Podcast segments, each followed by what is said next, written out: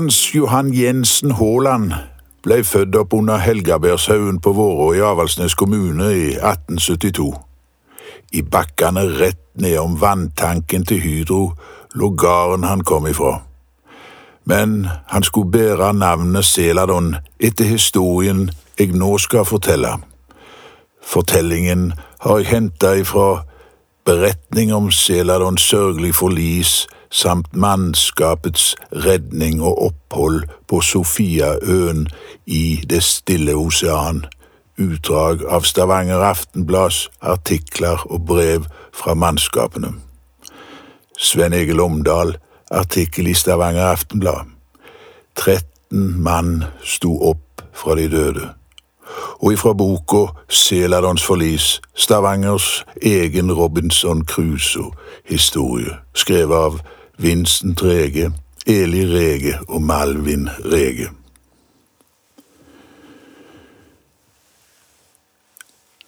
Som så mange her på våre kanter hadde Hans Jensen reist til sjøs.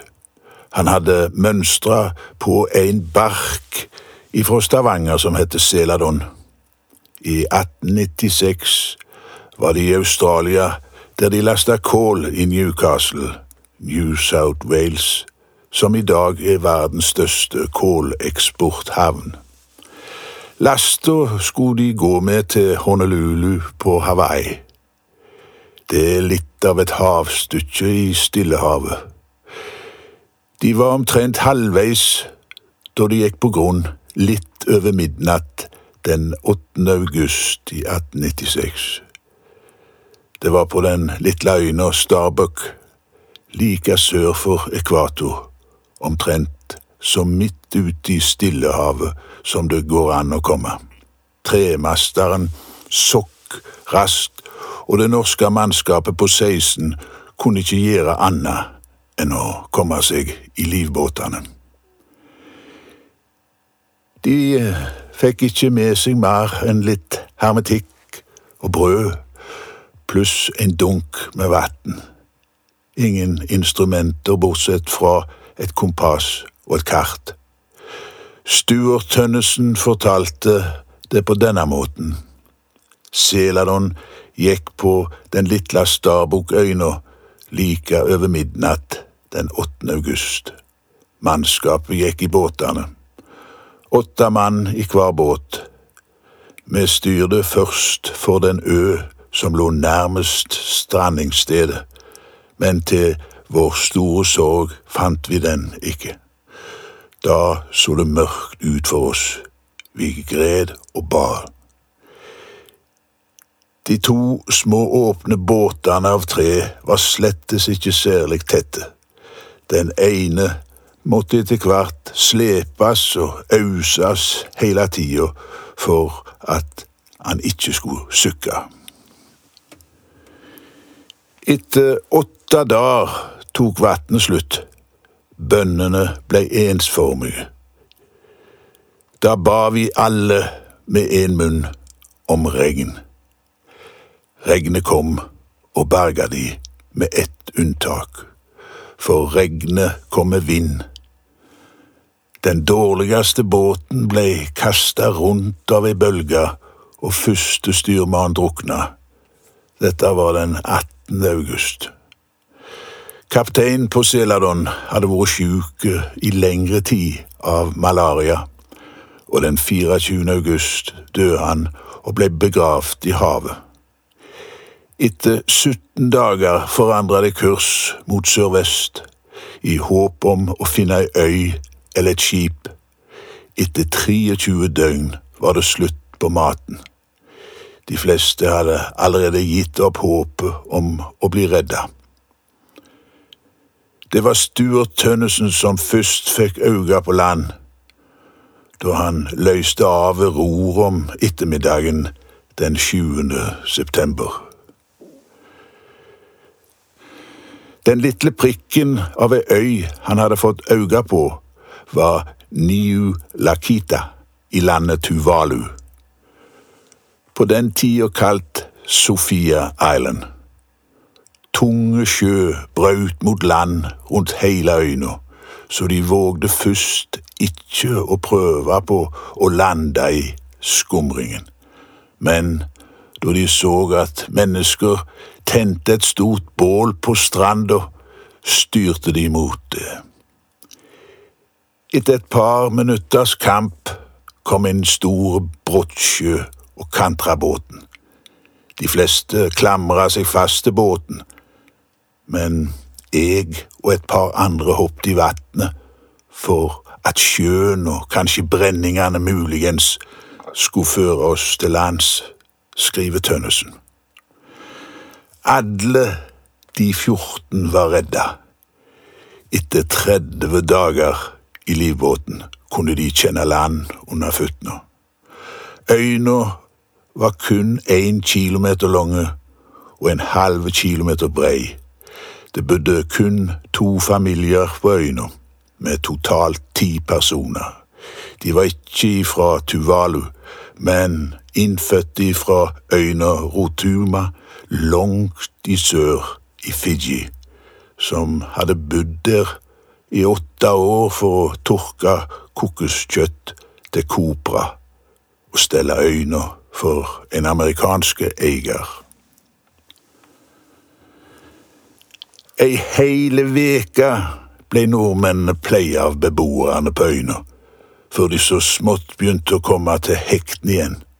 Men for den 56 år gamle tømmermannen Tollak Olsen Vestbø ifra Sandøy var det for seint.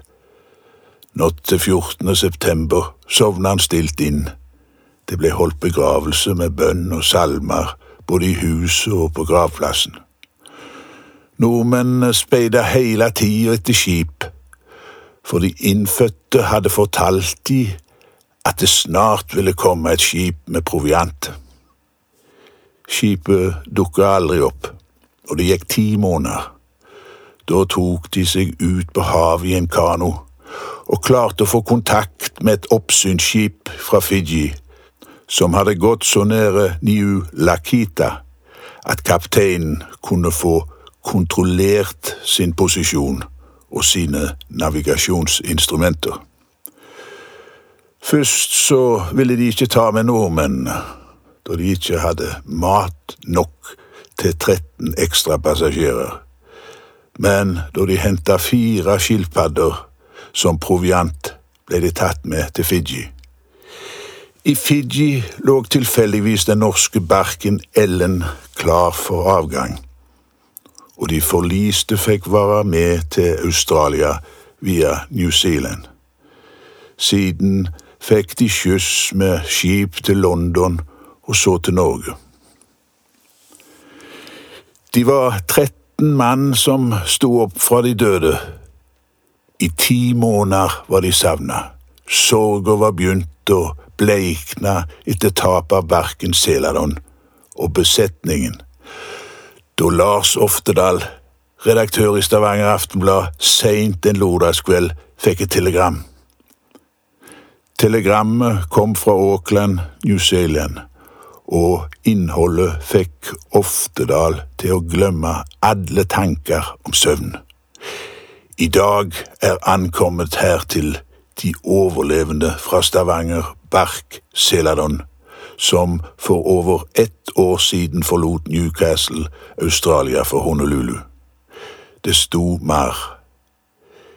Etter store strabaser hadde de skipbruddene nådd Sofiaøya og blitt der tolv måneder hos vennligsinnede innfødte. Kapteinen, tømmermann og en matros var død men de andre 13 var i live, og de var på vei hjem. Natta den 24. oktober i 1897 ankom karene til kai fullstappa med jublende mennesker i Stavanger. De 13 forliste hadde lenge blitt ansett for å være døde, men endelig kunne de få norsk jord under føttene og sjå sine kjære igjen. Hans Jensen var særdeles godt utrusta fysisk, og med sine kjempekrefter var han nok god å ha ved årene i denne utrolige Robinson Crusoe-historien. Men hva de i ettertid måtte slite med nerver og angst, kan en vanskelig fatte i dag. Hans Jensen gikk nå under navnet Seladon, og som en legende vokste historiene om han. Som så mange her ifra for han til Montana og kobbergruene og smeltene der rundt 1900-tallet. Her tjente de gode penger. Jeg tror Hans Jensen kom hjem med en god slant som han satte i banken. Ved bankkrisa på 2030-tallet mista han alle sine penger i en lokal bank. Dette irriterte mye folk, sjølsagt. Og når en da fikk høre at noen såkalte insidere fikk berga pengene sine en dag eller en time før krakket, rant det over for mange. Hans Jensen setter seletøy og kjerra på hesten. Med seg hadde han en jutasekk og et tau som han la på skranken til vettskremte bankfolk. Han viste tauet og så i taket. Det er lavt under taket her, sa han, men jeg tror jeg skal greie det. Det var ikke penger, og der de ikke fins, tar selv keiseren tapt sin rett, men han fikk nå vist hva han mente, og smilte vel litt i skjegget når han for hjem. En gang hadde en skattafutdreng eller lignende bankt på døra hans med et innkrevingsbrev. Hans Jensen tok stakkaren under armen og sprang full fart ned i løa der hoggestabben sto. Så slepte han taket på bekjenten. Aldri har vel noen sprunget forere nedover bakkene på Håland. Ikke vet jeg, men det kan jo tenkes at myndighetene hadde fått med seg alt hva dette mennesket hadde vært gjennom, at de så i nåde til han. Dette var jo ei tid der arbeidsfolk solgte kroppsarbeid, enten det var å skufle malm eller bryte berg i dype sjaktorter ved Visnes kobberverk. Det å ha lufta den steinen eller ambolten gav anerkjennelse og i hver ei bygd var det en sterk Ola eller sterke Nils. Her i vårt distrikt het han Seladon. Det var mat i et spisehus nede i gruva i Rødkleiv, der en stiger fra Trøndelag fortalte ivrig om Sterk-Johan ifra hans himtrakter, og som på vinteren var på tømmerhogst i sammen med andre tømmerhoggere. På lørdagskvelden ble det litt sjalabais. De ville ta Sterk-Johan, men raskt måtte de komme seg opp på taket på tømmerkoia. Det var da Sterk-Johan tok tømmersleden i skjekene, som han svingte over hodet og over taket, og ned kom de, ja. Nei, det er ikke sant, sier de samstemt rundt bordet, og ler og skoier. Nei, det er bare enda ei trønderskrøne. Hans Olsen tar ordet. Han var en av tre brødre i grua, og de var alle gode fortellere. Nå skal dere høre. Seladon hadde akkurat spent hesten ifra plogen når det stoppet en bil der ved veien. Han sa han var journalist i Haugesunds Avis og skulle treffe en mann som skulle bo der omkring. Det var da Seladon tok plogen som en pekestokk og pekte på huset. Du lyg, skrek trønderen. Nei, dette er sant, sa de samstemt rundt bordet og lo.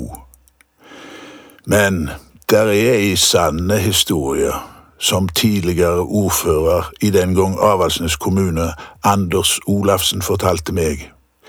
Karmsund Kraftlag setter opp strømstolper på våra de hadde mattid da de kom i samtale med Seladon.